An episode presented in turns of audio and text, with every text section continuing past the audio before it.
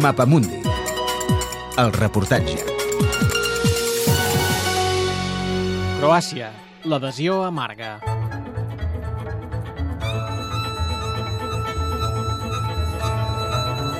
En plena crisi d'identitat i de confiança en el procés de construcció europea, l'entrada de Croàcia a la Unió no ha provocat una explosió d'alegria a la petita Polònia del Sud, que és com se l'anomena per ser un país habitat majoritàriament per catòlics.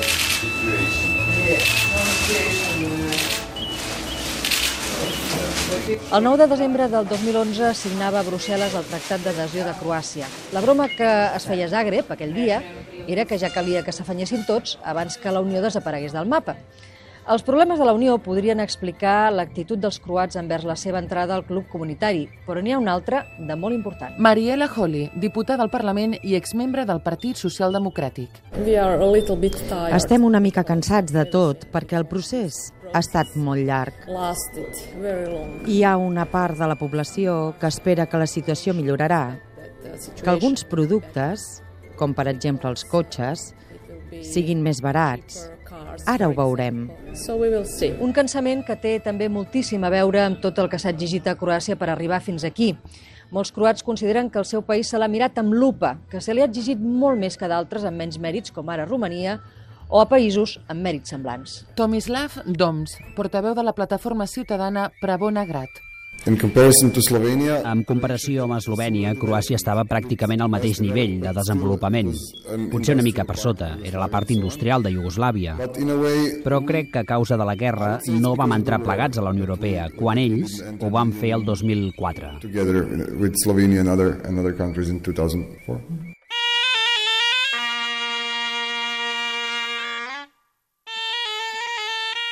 Efectivament, el nou membre de la Unió és el primer que hi accedeix després d'una guerra recent, la guerra d'independència de Iugoslàvia dels anys 90. Ha hagut d'extradir alguns dels seus ciutadans al Tribunal Penal Internacional, i això no ha estat fàcil.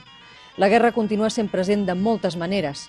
Més de 500.000 croates, és a dir, un de cada vuit habitants, reben subsidis directament relacionats amb els danys causats pel conflicte. I per a molts, les ferides continuen obertes gairebé com el primer dia. E, ja sam profesor skoro 45 godina. He sigut professor durant 45 anys i sé per experiència com era abans amb l'altre estat. Per Croàcia no era bo. Els serbis han intentat sempre ocupar el que és dels altres, apropiar-se de les seves riqueses, gaudir-les i assassinar els que els planten cara, tant si són el seu propi poble com si no.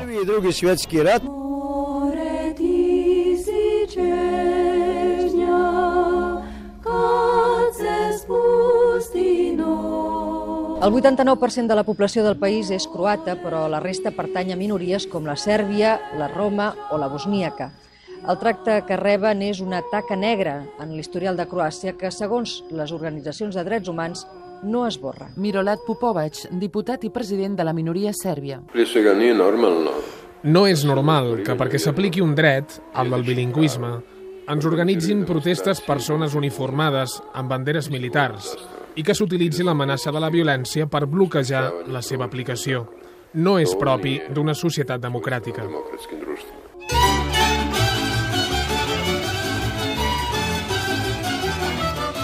Croàcia arrossega quatre anys ininterromputs de contracció econòmica i de pèrdua de llocs de treball. Els sistemes de salut pública i de pensions trontrollen i els impagats d'empreses públiques i privades arriben als 7.000 milions de dòlars. L'atur és oficialment d'un 20%, però continua creixent.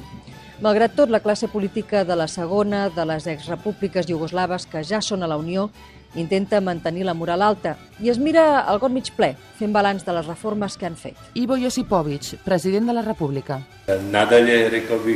Estic orgullós del que ha fet Croàcia fins ara. Sabem que ens queda feina, que l'haurem de fer mentre mirem de definir juntament amb els altres membres de la Unió Europea el futur d'Europa, del conjunt de la comunitat, i que al mateix temps haurem de fer front a una cosa tan difícil com és l'actual crisi econòmica.